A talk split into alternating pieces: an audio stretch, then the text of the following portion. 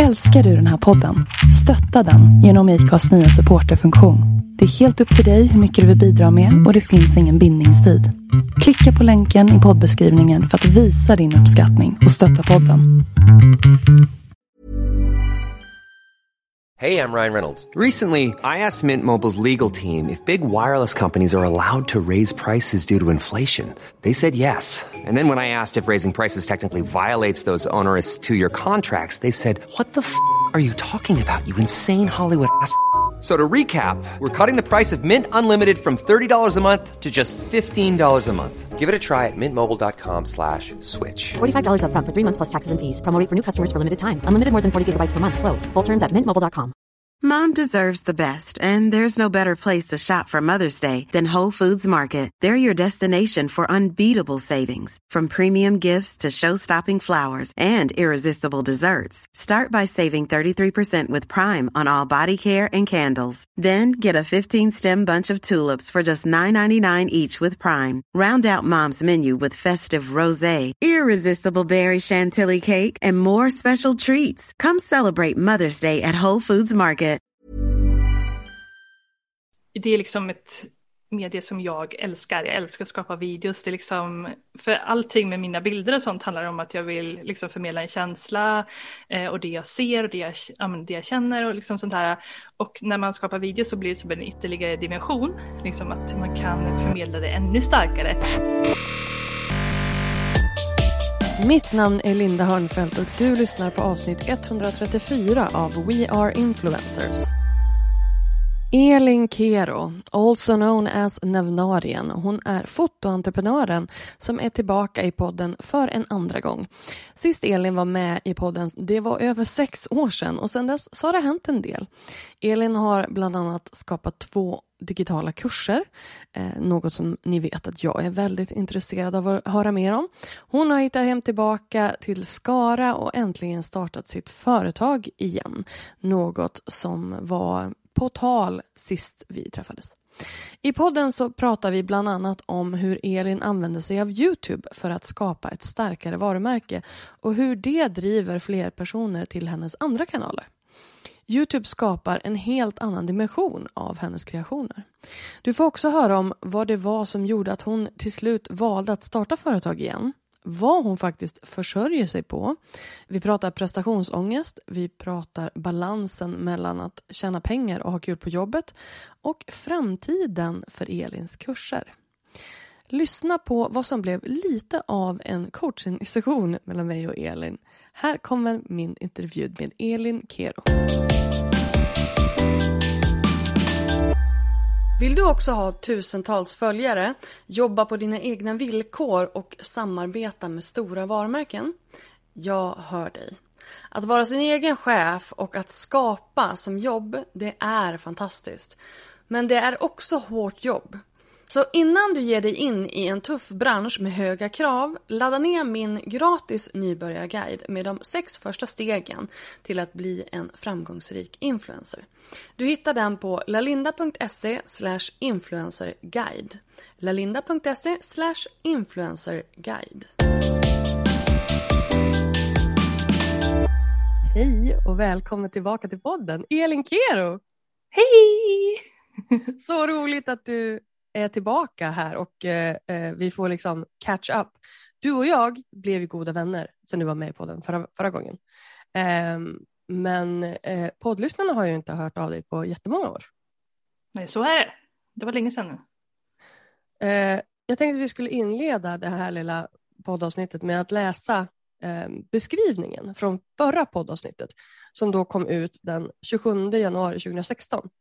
Så det är alltså sex och ett halvt år sedan. Galet alltså. Ja, men alltså på ett sätt så känns det som att det var igår. På Ja. ett sätt så känns det som att det var hundra år sedan. Fast jag, det här tycker jag nog inte kändes som igår faktiskt alls. Det kanske... Utan jag tycker att det här känns lite grann som hundra år sedan faktiskt. Så här står det i alla fall. Elin Kero är en fotobloggare som är gammal i gamet redan då. Och jag har skrivit gammal i gamet som i gem som i paperclip. Ja. Eh, Hon har bloggat i snart tio år och har blivit känd för sitt skira och drömska film, bildspråk. Hon blev snabbt populär bröllopsfotograf men gick in i en depression och fick, hela, fick helt omvärdera sitt yrke. Vi pratar om hur man hittar tillbaka till glädjen och kreativiteten, vad som är skillnaden mellan redigering och retuschering och vad är hennes bästa tips för dig som vill lyckas med bloggen? Just det. Jag kommer ihåg Vad har hänt sen sist? jag måste först bara säga att jag, det kän, när jag tänker tillbaka på när vi filmade sist så känns det som vi pratade ganska mycket om just min depression och sånt. Så jag vet du inte hade väl mycket... precis kommit ut ur det? Eller var du, Så var det. för det här var ju då, ja, för vi, och, för vi, och vi satt på ett café på Söder och poddade. Det här var på tiden som jag tog med min, min Blue Yeti-mikrofon, eh, slängde ner den helt utan någon typ av omtanke för den i handväskan och eh, eh, släpade runt den eh, i Stockholm. Så att eh, jag satt ju på alla möjliga underliga ställen och poddade.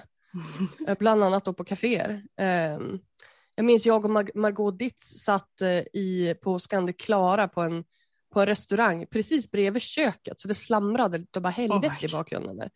Ja, plus att vi drack vin samtidigt det blev ju kul. Slut, Eh, slut, krasch, Så det är krasch. ett, exakt, så det är, ett, det är ett kul avsnitt att lyssna på. Eh, men men vad, okej, om det är någon som inte vet vem du är, kan vi ta det från början? V- Vem såklart. är Elin Kero? Kan du presentera dig? Åh, Elin Kero. Jag eh, är eh, en foto, fotoentreprenör brukar jag kalla mig själv. Jag eh, jobbar med diverse olika fotorelaterade grejer så att jag eh, är fotograf och jag gör utbildningar precis som du. Eh, jag har en online-shop och eh, ja, men, pysslar med allt möjligt som jag kan tänkas komma på är roligt som handlar om foto. Mm. Och så bor jag i eh, ett jättegammalt hus på landet utanför Skara där jag är uppväxt. Och jag flyttade precis hit, vilket är en dröm. Ja. Ehm, och annars så älskar jag pyssel och återbruk och eh, naturen, katter, kreativitet överlag. Det tycker jag är en väldigt bra, ett väldigt bra hopkok av dig. För jag hade ju följt dig långt innan vi träffades. Jag var ju lite starstruck. Du var ju en av mina sådana där, du vet, har hängt med hur länge som helst. Eh, så när vi sågs där på, på Gildas, va? Vi sätter det så. Och där fick man ha eh, hundar med sig, minns jag. För Leia var ju med, min hund. Eh, då var jag ju lite så här, ja men jag var lite starstruck och du var fortfarande, du var inte på topp. Du, du var ju fortfarande liksom på, på väg ur den här depressionen och ehm, du hade väl inte ditt företag då va? Just då. Nej, det var, jag tänkte precis på det när du, ja men innan där, att det var ett halvår innan jag startade mitt företag igen. Mm. Eh, så det var ju väldigt mycket, jag minns eh, att just där och då runt januari, där att jag funderade väldigt mycket på vad jag ville göra i framtiden och att jag fortfarande efter depressionen var lite osäker på om jag skulle orka driva företag igen och att jag var så här nära på att hoppa på ehm, ja, men ett, eh, en anställning som innebar att jag skulle pyssla med color grading av video. Mm. Ehm, men sen så kände jag bara att eh, ja, men anställning har jag har liksom aldrig riktigt känt att det är min grej så jag är väldigt glad att jag samlade mig och Mm. startade företagen då sen. Ja, för, för du var väl, var du inte anställd där en sväng någonstans? Eller, Jo, jag eh, jobbade på Scandinavian Photo, eh, vad var det, 2010, 2014, så Mm. fyra år. mm, Och eh, alltså, jag hade ju roliga arbetsuppgifter och sånt där, men det var ändå, alltså jag ville göra mina grejer. Och Så- du är ju en av de personerna som någonstans, så jag jämför det lite grann med Jonna Jinton, det kan ju inte vara en helt orimlig jämförelse, det måste du ha hört förut. Eh, både i liksom, ja men både i så här lite bildspråkskänslan, alltså den här drömska känslan, men också det här att man bara, alltså hur tjänar du pengar egentligen? man, man tittar på vad ni gör och bara, nu fattar jag vad hon tjänar pengar på. Hon tjänar jättemycket pengar på sin konst och, och, och sin, sina smycken och så här idag. Men det var, it's been a long road. Ehm, och jag känner så här lite grann samma sak med dig för att fotokonst är all ära, men det är inte jättelätt att leva på. Hur, när, du, när du drog igång ditt företag igen där, vad, hur har liksom resan sett ut i affärsmodeller? Alltså, jag känner väl fortfarande att jag, fast det har gått vad det gått, 2016, ja men mitt år. sjätte år, ja shit. Det känns fortfarande som att jag liksom utforskar ganska mycket vad det är jag vill göra och hur jag vill lägga upp saker och ting och sådär. Och att eh, jag kan vara ganska så här eh, flyktig i vad jag vill göra. Så att jag har väldigt Mm. svårt att så här bestämma mig för en grej och sen köra på det. Eh, oavsett hur bra det går eller inte. Så, ja, men som det här med kurser till exempel så släppte jag ju två stora kurser, vad blir det, 2019, 2020. Mm. Och det är ju någonting som jag kanske borde fortsätta att köra mycket på. Alltså för det om var väldigt... undertecknad och tycka så, så kanske jag tycker att du, det, det finns väldigt mycket pengar att hämta där. Ja, precis. Men eh, jag har väldigt svårt att så här, äh, göra saker som jag inte känner passionerat för för stunden. Och även fast jag har jättemycket idéer och så här, ehm, ja, men planer och tankar kring det så måste det finnas någonting mer. Liksom. Och jag, det är väl kanske en sak som jag brottas ganska mycket med i min business. Att så här, eh, jag är så inte en företagare. Nej, Att jag borde så här kunna, eller jag, jag, jag är skitkass på att ha strategier och sätta upp mål och liksom så här, um, ja, men driva bolag generellt och så här, tjäna massa pengar och sånt. Jag vill liksom bara ha ett bra liv, um, ha en skön lunk, göra saker jag gillar att göra och uh, ja, så. Och det gör ju kanske att um, jag hade kunnat göra mer, kan jag känna. Jo men så är, och så är det ju alltid. Men, men jag Ja. hör ju, det är väldigt många som är på precis den här nivån som, som du är, där man bara så här, ja men jag vill bara göra min grej. Mm. Jag vill bara liksom tjäna tillräckligt mycket med pengar så att jag kan göra det jag tycker är kul och liksom, du vet, leka med min egen kreativitet. Precis. Så att jag menar, För, mig är det så himla viktigt att så inte tappa det som jag tycker är kul i. I och med att man jobbar med det som man tycker är roligast i hela världen. Så känns det som att det är så skör tråd också. ja, Att om man, eh, om man bara kör på och eh, verkligen ja, men jobb, jobb, jobb, jobb, jobb. Att jag vet hur lätt det är att tappa glöden för någonting. Om man alltså, blir för mycket in i jobbgrejen och inte gör det för att man själv vill det. Och det är, det är också det som balansgången är hela tiden. Att så här, ja, men du ska jobba med det för att du måste tjäna pengar för att du ska kunna ta ut en lön. Men samtidigt så vill du inte jobba med det för mycket för att du ska tappa glöden och inte vilja göra det alls. mm. Eh, och hela den grejen. Och, och hur, hur, hur avväger du det? För du måste ju fortfarande känna att så här, I gotta make some dough. Jag vet. Alltså det blir väl lite så här från och till. Att det, jag är en perioder av rang. Så att i, det blir liksom att jag har perioder där det är fullt ös medvetslös och jag bara passar på när jag har flow och feeling att eh, göra hur mycket som helst. Och sen så har jag liksom perioder där det inte händer någonting alls i princip. Och jag eh, ja, men, bara glider med och liksom försöker ha kul. Och sen så är det fullt ös medvetslös igen och sen så, Mm. och så går det upp och ner och så. Men det är väl också, det är väl också, alltså så är det ju lite för mig också, att du vet man har perioder när, när jag har liksom lanseringar, då tjänar man jättemycket Mm. pengar och så sen däremellan så försöker man typ räkna ut vad man vill göra med sitt liv. Eh, men, ehm, men jag tänker liksom på det här, alltså du har ju, du har bloggat för evigt liksom. Och den, den kärleken har också gått lite upp och ner, eh, kärleken till bloggen. Och sen eh, Instagram såklart, men, men eftersom att du också är, är fotograf i själ och hjärta så har ju kanske din eh, relation till Instagram varit lite komplex, så att säga. Eller, eller vad, hur skulle du beskriva din relation till Instagram? Som det känns som att alla har just nu att eh, man inte vet riktigt hur man ska existera på plattformen. Man fattar inte vad de håller på med eh, och vad, Mm. hur man ska förhålla sig till det. Och såklart är det en del utav alltså i förändringsprocess att man blir orolig för att det händer nya grejer och man vet inte vad man ska göra med det. Och man är en vad heter det, vaneperson som gillar att ha det som det alltid har varit. Eh, så det är så lite confusing att man inte vet, är vi på väg åt något håll som kommer bli bra och man kommer finnas i det och det kommer rulla på och utvecklas? Eller är det här liksom döden för den här Mm. plattformen till exempel? Är det någon idé att kräma ut en massa energi här? Borde man söka sig vidare? Ja men det är liksom fram och tillbaka. Och vad har du landat i där just nu?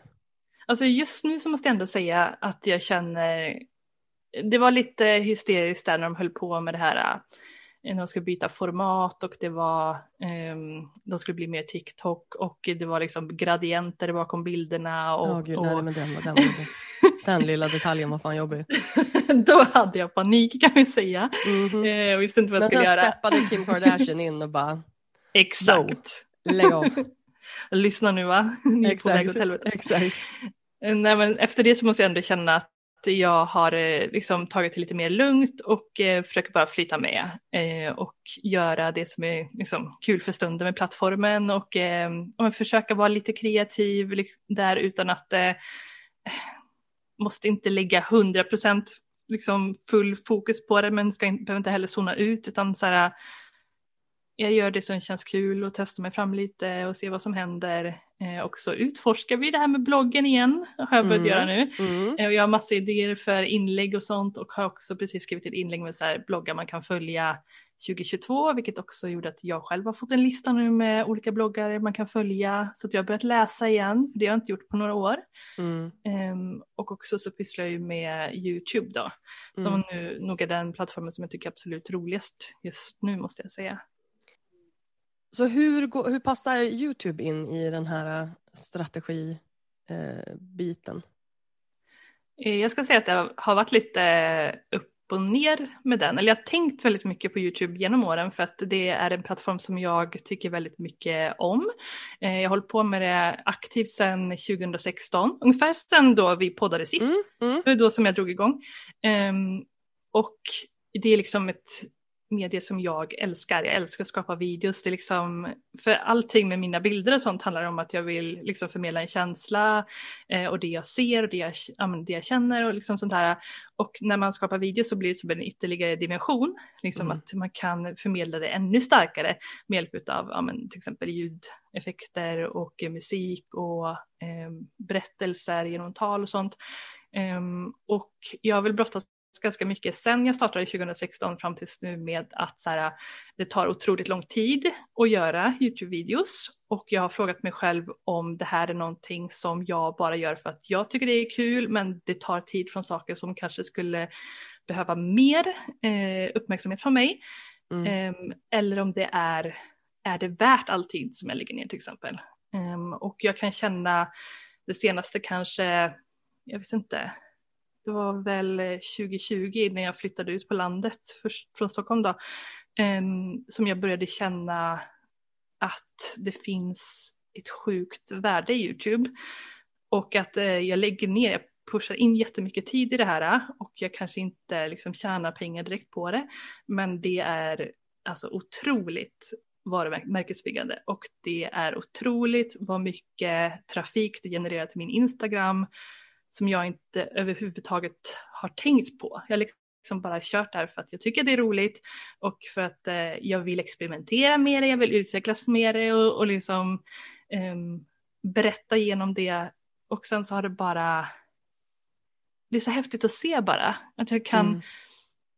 få liksom DMs varje gång jag lagt ut en video att så här, ah, jag hittade dig precis på YouTube och så känner man att man har en connection direkt på ett mm. sätt som man aldrig få när någon hittar den på Insta, om du är med på vad jag menar. Absolut, därför att Youtube är ju mycket mer nyanserat i, alltså så här, i video är det rättaste sättet att, att bygga en relation till någon och att faktiskt få liksom en, en, en nyanserad bild av, av en människa. Liksom. Det är det närmaste 3D vi kommer eh, på nätet. Eh, innan metaverse i alla fall. Ja. Och, eh, och så att, så att absolut, och jag känner ju också det att när folk säger att de har hittat mig på YouTube, att jag så här, äh, ja men det, det är ju det, det riktiga jag, om man säger så, eller det mest vardag, alla är ju riktiga, men det är väl det som är det mest vardagliga jag, eftersom att det är mest vloggar jag lägger upp. Men hur, hur, hur har du sett att det här då har liksom bringat in affärer i slutändan? Alltså, eh, jag är inte världens statistikanalytisk person. så jag ska säga att jag har, jag har väl inte, jag har inte dragit den kopplingen alls mer än att eh, jag har märkt tydligt att, ja men jag menar så här, Instagram är ändå den plattformen där jag eh, connectar bäst med folk liksom direkt och det är väl så för alla att det är ett snabbt eh, media och där folk hänger. Mm. Eh, och det är där liksom i alla fall det senaste, jag har till exempel känt att det var ganska trögt med mitt nyhetsbrev för att jag har inte fått in ett flow med det. Jag vill väldigt gärna liksom Mm. hänga där men jag vet. behöver bli vän med det på något sätt. Och då har liksom Instagram varit som ett alternativ till, liksom det är där som jag sprider alla nyheter och allting så det är viktigt att folk hänger på min Insta i så fall om jag ska kunna sälja någonting. Mm. Eh, så att för mig har det varit viktigt bara att de som hänger på YouTube ändå kan tänka sig att följa med till Insta, liksom där saker händer. vad ska säga. Mm. Ehm, så det är väl mest alltså där som jag har känt ganska tydligt att liksom YouTube har ökat ehm, mitt liksom engagemang och liksom eh, ja, men följare, följarantal och sånt på Insta genom att jag laddar upp på YouTube. Men om, om du, alltså se, hur ser du att ditt innehåll håller över tid på YouTube? Jättemycket faktiskt.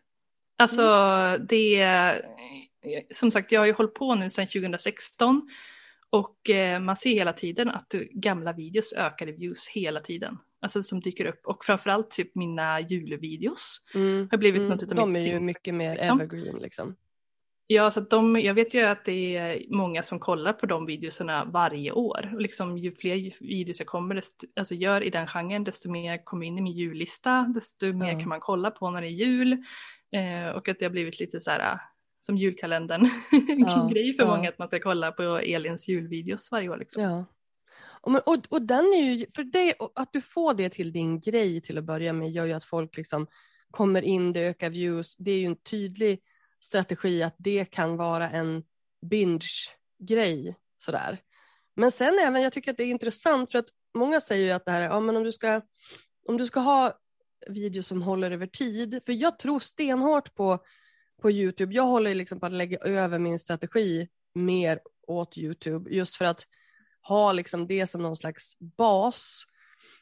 Precis, alltså att, att ha YouTube och bloggen som bas just för att det är, det är plattformar som, som har en lång livslängd.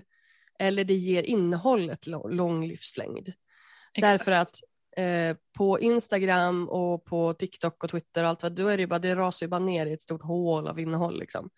Det går ju inte att Men- söka fram innehåll på Insta och Twitter Nej. och TikTok Nej. på det sättet. Som på YouTube eller på bloggen så kan man ju verkligen söka sig fram till gammalt material på ett väldigt Ja. enkelt sätt. Och Instagram och TikTok är också plattformar som värdesätter ehm, aktualitet, alltså att det är nytt innehåll. Inte nödvändigtvis det som är mest relevant, utan det som är senast och hyfsat relevant. Liksom. Det är därför det finns Om- 25 000 miljoner kopior på alla videos och sånt man redan har gjort. Man måste lägga upp Exakt. det igen och igen och Exakt. igen och igen.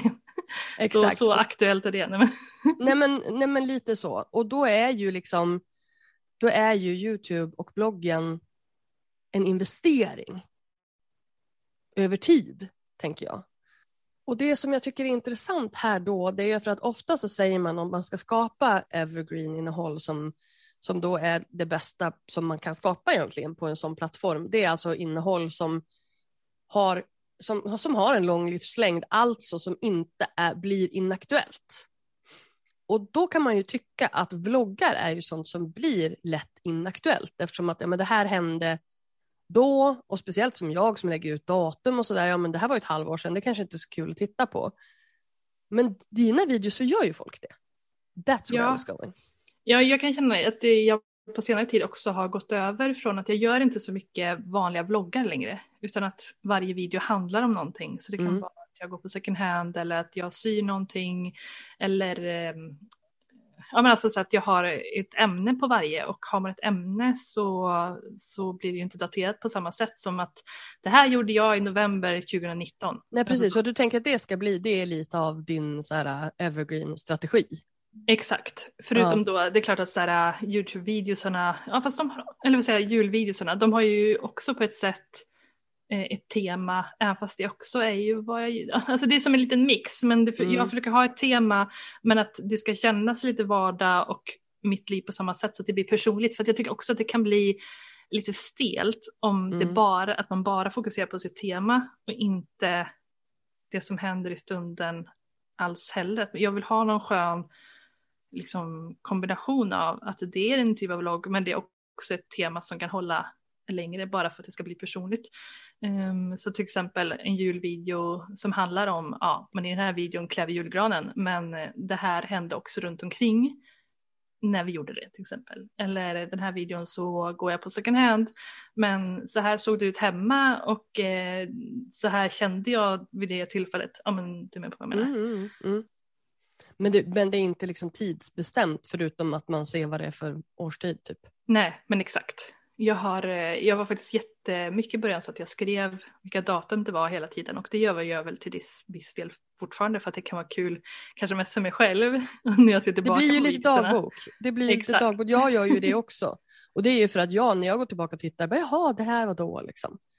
Precis. Um, Men nu känns det lite mer som att det är som en bigrej med datumet. Att det är lite kul Ja. att veta ungefär när det var. Det är men det är inte så nödvändigt typ för videon eller vad man ska säga. nej. Det sättet att, ja. Men vad skulle du säga är din primära kanal idag då? Alltså jag skulle, Mhm. jag skulle nog säga att det är Instagram ändå. Eh, Mm. För att det är där jag har mest connection och det är där jag har, alltså delar mest och det är där det är enklast att dela snabbt och det är det som kopplar samman alla mina kanaler på ett sätt. Men YouTube är ändå, jag skulle säga att YouTube ändå på något sätt är mer värdefull på det sättet att man får träffa mig och se mig och höra mig prata. Eh, Och det blir en djup, alltså djupare. En djupare. Att det blir en djupare connection med dem som jag delar till där. Än när man bara kanske lägger upp en fin bild på Insta. Men jag tänker så här, att YouTube och bloggen, men, men främst YouTube då, då, eftersom att video ändå någonstans är en bättre contentinvestering, skulle jag säga. Du kan göra mer med en video än du kan göra med en text i slutändan. Liksom. Du kan ju göra, om du gör en video så sen kan du göra en massa små videos, alltså short form videos till exempel till reels så. Sen kan du också skriva om det till ett blogginlägg. Du kan göra det till en karusell med små tips och sådär. Så video är ju en, en, en, en smartare basplatta om man säger så. Ehm, men sen är ju Instagram som plattform mycket mer genial som i att det som egentligen är, är, den, är den största behållningen just nu med Instagram tycker jag, det är stories och DM. Definitivt. Alltså det är ju på stories jag lever liksom. Ja, jo men lite så. Det är där det, det, det, är där det är roligast att skapa. Eh, och det är också där man får mest, mest respons. Exakt. Och DM finns inte någon annanstans. Va? Nej. Nej det gör de inte faktiskt. Så det är ju... för det finns inte på TikTok, eller hur? Nej, och inte inte på. YouTube och inte på blogg. Nej, det finns kommentarer men det finns inte DM. Så det är bara Facebook och Instagram som har det. Exakt. Så det är ju en extremt värdefull grej då som Instagram faktiskt är unik på. Jag, jag tror inte jag har tänkt på det. Varför Inte har jag heller. för mig att TikTok har DM? Och därför så tycker jag typ att det är lite synd att de eh, vill, alltså i och med att de känner då att de tappar engagemang i flödet för att stories och DMs är så roligt. Om man Ja. säger varför är stories och DMs så roligt? Jo men av den anledningen som du precis sa. Mm. Eh, att det är typ unikt för Insta. Eh, varför ska de då försöka klämma in? Jag vet inte. Jag vet inte heller. Det är hela den här wannabe-grejen. Liksom, att de vill bli TikTok, det är det som är lite, Exakt. Ja, men Gör lite det de gör och bra. ja men lite så kan jag också känna, så double down på det ni är bra istället för att you're barking at the wrong tree, man. Ja. Ja. Lite så. Men um, okej. Du svävade lite förbi det tidigare. Uh, onlinekurser. Det här är ju mitt skötebarn såklart. Eh, jag lanserade ju min onlinekurs Social Brand Lab 2019 och är nu, ska nu gå in i min nionde eh, lansering. Eh, lansering slash kampanj slash hej nu öppnar vi dörrarna nu får ni köpa. Liksom. Eh, och du har ju som sagt gjort två kurser också. Kan du inte, kan du inte berätta hur det, how that came about? Eh, Det var en berg och dalbana. Ja, det brukar vara det. Ja, nej men alltså för det första så måste jag säga att jag är så imponerad av alla, inklusive dig, som håller på med det här regelbundet. För jäklar vilket projekt det är att Fast man behöver genomföra. inte göra en ny kurs varje gång. Nej men alltså bara från Det, första det är bara början. du som gör det. Och jag, jag blir också imponerad av dig på det sättet att du liksom gör en grym kurs det första du gör. Visst att du har utvecklat den genom åren och sådana här, men att du ändå eh, är så nöjd med grunden i den kursen att du har kunnat liksom, arbeta vidare på den. Eh, det som hände för min del, det var ju att jag, eh, för jag gör ju Photoshop-kurser då, eller det är de kurserna jag gjort har handlat om Photoshop. Och eh, det första som hände var att, eh, ja men för det första så var, man får tänka lite det här också med, som jag, vi pratade om att eh, jag har varit utbränd och Mm. haft en depression och så vidare. Mm. Så att jag är otroligt eh, stresskänslig eh, och att driva ett sånt här projekt för mig tar extremt mycket energi och det känns som att det gör det på en större nivå än vad det kanske hade gjort alltså innan min eh, innan jag var deprimerad så att säga. Mm. Eh, så att jag ehm, gjorde min första kurs där våren 2019 och det gick hur bra som helst. Eh, Mm. Jättebra, alltså både så här, jag blev klar med den efter många Ja. år. Men, eh, och, och att det var många som köpte den och jag Ja. fick väldigt bra feedback på den och allting. Eh, för min del var det nog bara så här att ehm, det var en sån otroligt liksom, stor process som jag blev typ utmattad av bara liksom genomförandet av kursen. Mm. Eh, och sen så det som hände då exakt den sommaren när vi körde kursen, jag tror det var kanske två, tre månader efter att jag hade släppt den, var att eh, Photoshop gjorde en skitstor förändring till Camera Raw. Åh, Så att all, alltså hälften av min kurs blev alltså inaktuell direkt. Åh, gud. Och jag kände bara så här, det var ju den största anledningen till varför Skjut jag inte har upprepat. Exakt! Mig!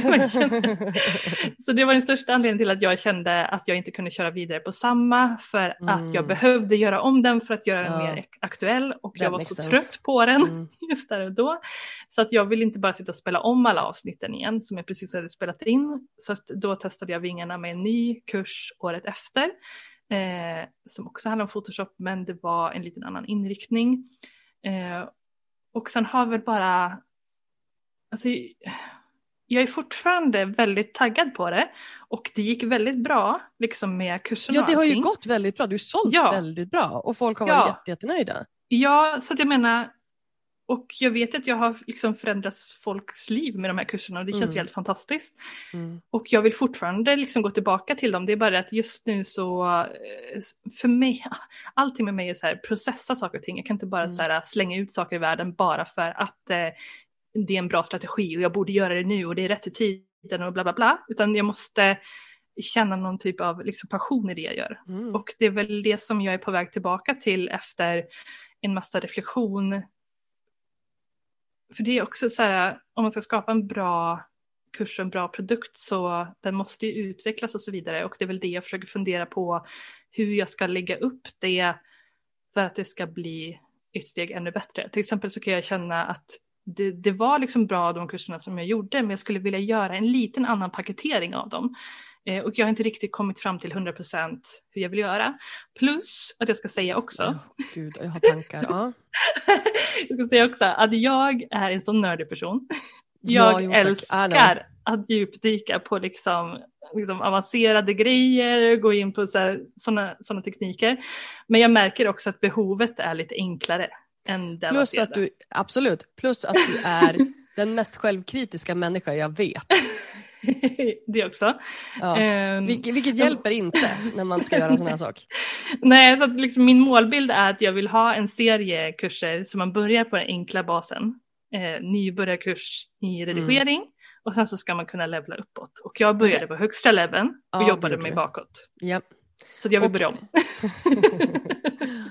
Eh, Jag tänker att det här är ju i slutändan kanske en jättebra medlemssajt. ja, Ja. det är bara det att jag tänker då, alltså jag har tänkt på det här Mm. och det skulle vara en sån häftig grej att ha. Eh, och det är också, jag tror att det kan vara väldigt bra att ha en löpande inkomst hela tiden. Mm, mm. Då har vi det problemet med att jag inte gillar att liksom vara låst vid saker. Jag vill att kunna gillar inte bestämma. Nej, men så här, jag, jag, liksom, att behöva träffa folk och vara så... Men alltså, jag, jag, jag är med dig. Men alltså, då har jag, jag så här, varje, varje månad, Ja. året om, så ska Ja. man leverera. Och jag vet med mig att jag har väldigt svårt för att så här, äh, göra saker regelbundet. Alltså Mm. så här, äh, att jag, det kanske funkar skitbra de första tre månaderna i den här äh, liksom, medlemskapet. Mm. Sen så, det kommer vara prestationsångest att leverera på liksom, vad heter det, varje månad, alltså månadsvis och sånt där. Mm, mm, mm. Hela tiden komma på nytt material, även fast jag tycker att det är kul, men jag också så här svävar iväg så himla mycket när jag ska göra grejer, jag ska förklara allting så himla eh, invecklat, jag kan inte göra korta YouTube-videos, jag kan inte göra korta blogginlägg, alltså det, det kommer att Men bita mig i jag- röven. Jag tror att här är du och jag lite... För jag, jag har precis samma tanke kring en medlemstjänst. För jag hade också så här, men det hade varit så kul och jag vet att det är någonting som skulle behövas. Men jag är precis likadan. Jag bara, nej men alltså jag får panik bara av tanken av att ha någonting som jag måste liksom leverera på varje månad. Men jag tror också att det är därför vi behöver hjälp. Alltså det är därför sådana som vi behöver kanske skapa oss ett litet team och Mm. ha någon som, som hjälper till med de bitarna. För att jag tror att både du och jag är sådana som blir överväldigade av tanken på att okej nu ska jag göra det här från A till B, eller från A till Ö och det ska, liksom, det ska planeras, det ska läggas upp, liksom, vad ska jag göra, Eh, det ska skrivas manus, sen ska allting genomföras, det ska klippas och så, du vet, sen vill man ju sova en månad när det är klart. Liksom. Exakt. Ehm, vilket man får typ göra tills man ska göra det igen. Ehm, men, men jag tror att om man då kanske har någon som hjälper till med delar av det här, typ klippandet eller typ planerandet eller så där, så skulle det bli extremt mycket enklare. Det ehm, tror jag med. Att, att få till det. Och Alltså jag har, jag har, I, have, I have thoughts eh, angående, angående det här med, med kurserna. Ja men alltså, jo, men du vet ju vad jag kommer säga. Alltså för det första, så här, du har så extremt höga krav på dig själv. Eh, du skulle kunna köra den här andra kursen, om, om den fortfarande är aktuell, så skulle du kunna lansera den igen och igen. Och, igen. men det är klart att jag känner också så här, nu skulle Social Brand Lab behöva uppdateras. Eller behöva och behöva, men behöver, den skulle behöva uppdateras för att jag har lärt mig nya saker eh, som jag skulle vilja, vilja implementera. Men nu har inte jag möjlighet att göra det innan den här lanseringen. Men då tänker jag så här, de som köper nu kommer ju få ha kvar den for life. Så att Mm. om jag uppdaterar den nästa år så får de ju fortfarande den uppdateringen. Och jag kan ju inte sitta och vänta på att jag ska få feeling eh, för att släppa den nästa gång. För att det finns jättemånga där ute som behöver den på exakt den nivån den är nu. För jag menar, ja, min nivå höjs ju hela tiden, men det finns ju fortfarande jättemånga som har långt ifrån den kunskapen som jag hade för tre år sedan. Mm. Så att liksom, det ena utesluter inte det andra, utan man kan lansera igen och ändå planera för någonting som kommer att hända down the line.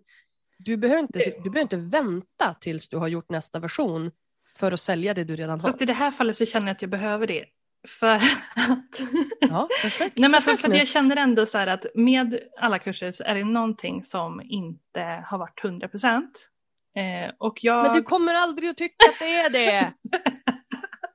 Det blev en coaching-session där. Ja, jag vet, förlåt. Nej men så här, alltså jag måste bara säga att eh, jag hade väldigt mycket, alltså idén till min senaste kurs, alltså hitta din stil i Photoshop, Mm. den var fantastisk. Men utförandet blev inte så bra för att vi var 120 elever i den kursen och Åh, det behövdes mer feedback. Alltså det var liksom tydligt att jag, den här, det här behöver jag göra som ett program för, det har kanske fem till max tio personer som Mm. jag kan coacha i att hitta sin stil och där man kan lägga alltså 100% fokus på de här personerna.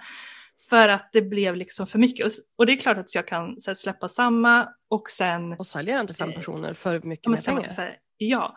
Eh, det är väl bara att eh, det är där jag lurar. Alltså, för alla kommer inte fatta att de kommer behöva den här svindyra kursen eh, med personlig feedback direkt. Jag tror att det kom, kan behövas en kurs som är simpel, enkel där det inte krävs en massa utav alltså one on one. Absolut, one, on one. men den behöver inte du göra nu. Den kanske de har gått hos någon annan. De kanske är självlärda fram till, fram till Ja. den här punkten. Och jag menar, ska du bara få in 5-10 pers istället för 120, då kan du också höja priset. Mm, Därför att det det, som är fantastiskt med att, eh, eh, med att höja priset är att du behöver inte sälja lika många för att omsätta lika mycket. Nej, det är sant. Och då kan du ju också lägga mer krut på att få de personerna att fatta att det här är för dig. mm, Och då får du kanske bli också smalare i ditt tilltal. Att det här är för dig som har som har kanske jobbat som fotograf men känner att du har tappat bort det lite grann och sådär. Ja, det blev en coachingsession nu. I'm sorry. Men, men, men, men någonstans, jag tror att det är väldigt många som tänker som du. Att så här, ja men jag vill att det ska vara så här eller jag vill att det ska vara perfekt. Men Ja. någonstans under den tiden, för det första så lämnar du pengar på bordet, vilket är Mm. alltid väldigt onödigt. Eh, för det andra så kanske också folk typ så här glömmer bort lite grann att ja men just det, hon hade kurser. mm, För att nu riktar du dig till dina existerande följare. mm, Men det finns ju också folk i periferin som känner till dig och som såg att du hade de här kurserna och så sen försvann det. För så här, jag har nu, jag är inne på mitt fjärde år med Social Brand Lab. Nu har folk börjat lära sig när jag lanserar, hur det ser ut, vad jag pratar om. Och så säger de, ja, men jag köper nästa gång, eller jag köper nästa gång. Och, och så sen så gör de faktiskt det. Så att jag har alltså folk som, som funderade på att köpa, alltså jag ser ju också på mejllistan, de har varit med på webbinar sedan 2020. Och sen så köper de nu. Så att, och det är ju för att då har ju de liksom fått landa i vad det här är. De vet också att jag är seriös, det här är någonting som, som jag kommer fortsätta med, det här är någonting som folk också faktiskt köper löpande och tycker är bra. Så att jag har liksom någon slags indok- indoktrinerat att det här är min business och det här Mm. är min grej. Och då eh, och, jag, och jag kommer fortsätta med det. Liksom. Du behöver inte oroa sig för att det ska försvinna. det är en asbra grej. Och jag, jag, alltså 100% att jag verkligen tar med mig någonting från det här också för att jag vet att jag är alldeles för 100% eller ingenting. Alltså det är allt eller inget. Eh, för mycket krav liksom på allting, att det ska vara perfekt när jag vet att det aldrig är det. Och att man alltid Fast det sig så. är ju det, det är bara inte det för dig. Nej, men alltså det här är liksom en, en, en historia som upprepar sig. Som Ja, upprepat sig och upprepat sig i hela mitt liv. som till exempel, som ett exempel så tog, jag vet inte hur många år det tog för mig att bara skaffa en sajt. Mm. Jag tror Mm. att jag skaffade en sajt lagom till 2019 där när jag släppte första kursen för att eh, Jackie var på mig. Att jag var tvungen att ha en sajt. Ja. Jackie Och Investor sen- som vi båda har jobbat med. Exakt. Och ehm, ja, då, det var ju också ett wake-up call så här att när jag väl fixade den här sajten och la upp bara den nödvändigaste informationen du kan uppdatera sen. Mm. Men gud vad enkelt det var att uppdatera sen då när man hade den där basen. Herregud. Jag bara, varför gör jag inte så här alltid? Och ändå Det- så ja, måste men- man påminna sig varje gång. Ja, och, och sen, också, sen tror jag också att det handlar om det här att, att ta på sig vd-hatten lite grann. Mm. Och försöka tänka lite praktiskt. Att säga, ja, men om jag uppdaterar det här nu, då kommer det bli enklare sen. Istället för att allting måste vara perfekt. Alltså kreatören Elin Kero och vdn Elin Kero måste ha ett litet, ett litet sit down ibland. Och så får vdn läxa upp kreatören och bara, fast nu får du för fan tagga ner liksom. Vi måste få ut någonting nu. För att people Jag- are jag ett wanting your stuff. Jag gjorde ju ett test här. Eh, när jag släppte, jag släppte ju nyss eh, ett nytt motiv till min shop. Ja. Eh, och så filmade jag hela spektaklet. Så då gjorde en ganska stor karusell utav det här. Och när jag gör stora karuseller av det, det är då som prestationsångesten kickar in och jag Ja, måste tänka i hundra år. Och jag, jag sa så bara, nu så ska du ha en, du ska tänka ut en idé, du ska planera den, du ska genomföra den, du ska släppa den på, eller liksom på två dagar. Eller Mm. genomföra i alla fall, sen släppte jag veckan efter. Men, och det är någonting som jag aldrig har gjort förut, utan jag kan gå och processa saker i flera månader. Eh, Men jag klarade det faktiskt. Jag, på två dagar så hade jag ju klart den där bilden som från början bara, nej men alltså det är inte så bra ändå. Så att jag menar, det går ju om man bara så här, äh, verkligen sätter sig ner och bara, nu gör du som jag säger. Och hur gick det? Ja men det gick bra. Väldigt bra. Ja, Alltså. och det var ingen som kom och bara, Elin den här karusellen, vad fan. Nej. Nej, konstigt va? Alla bara, oh my god this is the prettiest thing I've ever seen. Ja, och man bara shit, jag tänkte Mm. inte överhuvudtaget men folk kunde ändå tycka det. Ja. Eller Måste hur? inte Nej, därför att ditt, ditt, ditt helt okej är ju någon annans. Oh my god, this is the prettiest thing I've ever seen. Mm. Det är ju faktiskt så. Och, och jag tror att vi, vi som är du och jag och andra högpresterande kreatörer, vi försöker alldeles för ofta imponera på oss själva. Eh, Vilket när, är vi, när vi skapar. Ja, och det är inte det vi ska göra. Vi ska inte imponera på oss själva. Vi ska inte utbilda oss själva i vårt content. Vi ska ju göra det vi kan bra och vi ska ju lära ut det vi kan göra i sömnen och inte liksom försöka uppfinna hjulet för att ge någon annan nu. Det är det som är vårt jobb, det är ju att faktiskt testa saker, se vad som funkar och sen dela med sig av det. Och Exakt. inte nödvändigtvis liksom bara, oh I found this thing, this shiny thing, här, den måste du också få. Fast man inte liksom har tänkt efter överhuvudtaget eller testat eller någonting. Och det kommer ju sabba ens, ens förtroende också. För om man inte testar innan så kan ju inte andra lita på att det är att man vet vad man pratar om. Precis. Man får ju väl bara försöka vänja sig vid den obekväma känslan som det är. Att bara släppa någonting som man inte känner 100% Mm. kring eller som man inte eh, är 100% ja, men alltså så här, som man inte har den känslan som man väntar på att man ska ha Nej, kring. precis. Life begins at the end of your comfort zone. Jag tror att Mm, att vara, vara kreatör och företagare är förenat med obek, obekväm, att vara obekväm. 100%. För att ska du vara kreatör, absolut, du kan fota. Alltså jag har två asfula tavlor uppe i min ateljé som bara står där och väntar på att bli övermålad och börja om. Och, liksom, och jag är så här bara, det här är så jävla fult och jag vet inte hur jag ska gå vidare. Men och då, då får de ju stå där och vänta på feeling. Liksom. Men jag är inte konstnär. eh, så att det, and that's fine. Liksom. Men, men då, då är det ju inte det som är mitt företag heller. Utan ska man driva det som ett företag då får man ju bara så här, fast nu får du skärpa till dig och, och så får det vara good enough. Därför att good enough är allra, allra oftast eh, jätte, jättebra för de som behöver det. Gud vad mycket truth bombs som jag droppar på dig nu. Hur känns det? Ja. Nej men det känns bra. Jag kommer mycket att tänka på efter den här sessionen kan jag säga. Ja, efter den här online coach-sessionen som egentligen då skulle vara någon podd. Eh, så att... Eh, Det är så intressant ändå att det kommer upp tycker jag. För att det här är någonting som jag har gått och tänkt på hur mycket som helst och jag tror att det är många som känner som jag kring sådana här Mm. grejer. Eh, Men att det aldrig kommer ut, det är ingenting som man skryter om att man känner eller sådär. Eh, och att det kanske kan också vara svårt att prata om det för att eh, det är så lätt att liksom för någon annan att säga att eh, men det är ju bara att göra det. Liksom. Ja. Att det blir på en annan nivå när man sitter och pratar om det så här om man verkligen men, går in i den här knuten som det ändå är och försöker lösa upp den typ. Och sen så är det också så här, för det första så, vi är ju vänner och jag vet ju att du är jävligt duktig på det du gör. Och du vet att jag aldrig skulle säga, om jag, om jag tyckte att så här, nej men vet du vad, den där äh, anemonbilden, den såg ut som skit liksom. Lägg inte upp den. Alltså jag hade ju inte gjort stående ovationer och du vet sådana saker om jag inte hade tyckt det. Och du är ju en, jag menar jag har inte dina bilder på väggen för intet så. Så att, att, liksom, att lita på dem man litar på att de inte skulle, att jag inte skulle fälla krokben för dig, liksom, för det skulle jag ju aldrig göra. Det är en del i det. Och sen är det ju en del i det att så här, låta företagaren bestämma ibland. Mm.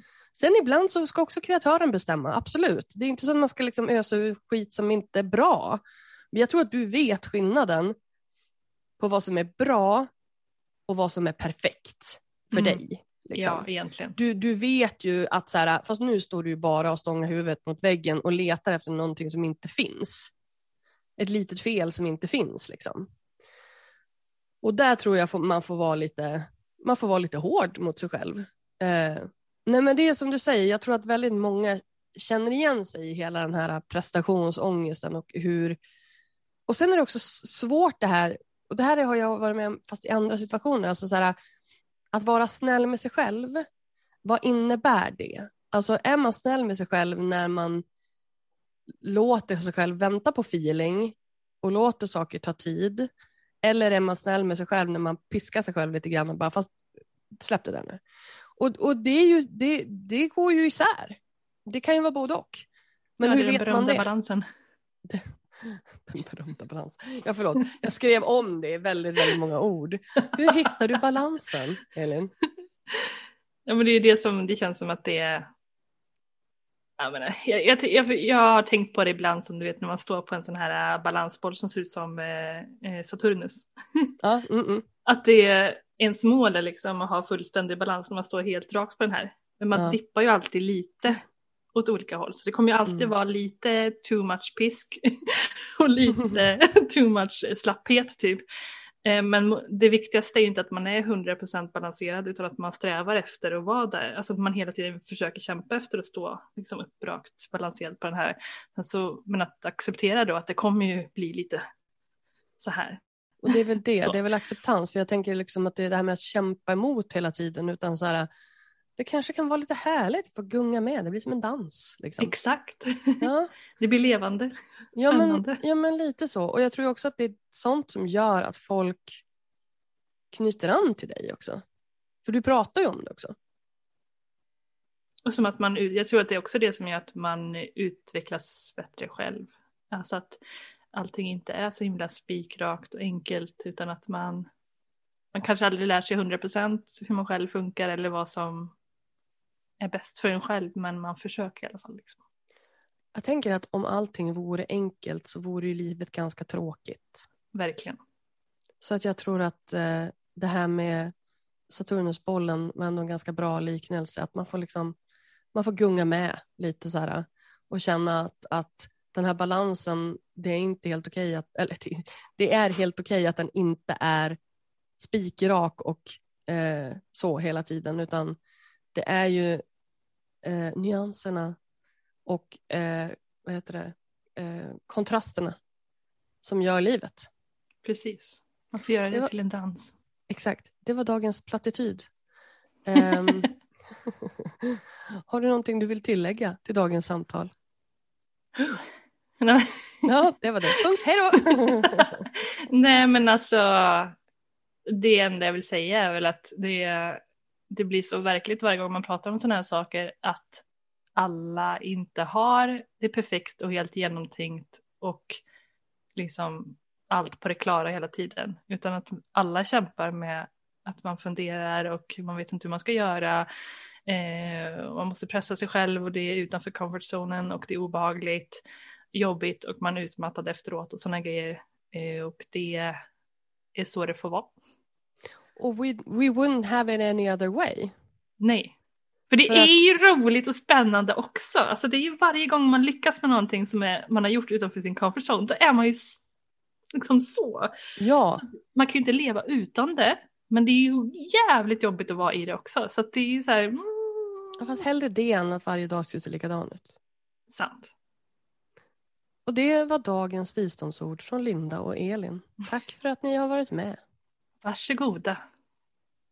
Tack snälla Elin för att du var med. Det här var eh, ett jättemysigt samtal och jag hoppas att lyssnarna fick med sig någonting, någonting vettigt i alla fall. Jag hoppas det också. Man vet ju aldrig vad man har pratat om när man har suttit så här.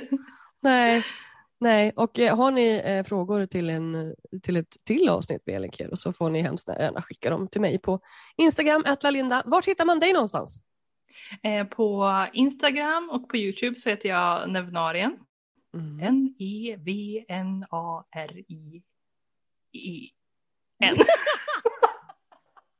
Nej men googla Elin Kero, det blir enklast. Nevnarien. Nevnarien och sen så, Ja. ja men det, ofta så går det att söka på Elin Kero också och ändå få upp det. Så att Mm. Insta, blogg och YouTube. Youtube. Eh, tack för att du var med. Tack själv att jag fick vara med, skitkul! Tack för coachingsessionen. Tyckte du om det här avsnittet? Då får du hemskt gärna dela det på Instagram och tagga mig att lalinde och hashtag weareinfluencers. Vill du ha hjälp med att utveckla din egen influencer business? Gå till lalinda.se influencer för mer information om hur jag kan hjälpa dig utveckla dina sociala kanaler.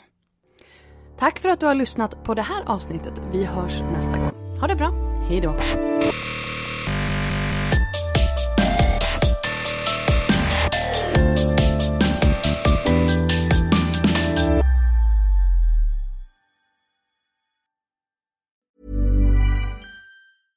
Mom deserves the best, and there's no better place to shop for Mother's Day than Whole Foods Market. They're your destination for unbeatable savings, from premium gifts to show-stopping flowers and irresistible desserts. Start by saving 33% with Prime on all body care and candles. Then get a 15-stem bunch of tulips for just $9.99 each with Prime. Round out Mom's menu with festive rosé, irresistible berry chantilly cake, and more special treats. Come celebrate Mother's Day at Whole Foods Market. Imagine the softest sheets you've ever felt. Now imagine them getting even softer over time. That's what you'll feel with Bowl and Branch's organic cotton sheets. In a recent customer survey, 96% replied that Bowl and Branch sheets get softer with every wash. Start getting your best night's sleep in these sheets that get softer and softer for years to come. Try their sheets with a 30-night guarantee. Plus, get 15% off your first order at bowlandbranch.com. Code BUTTERY. Exclusions apply. See site for details.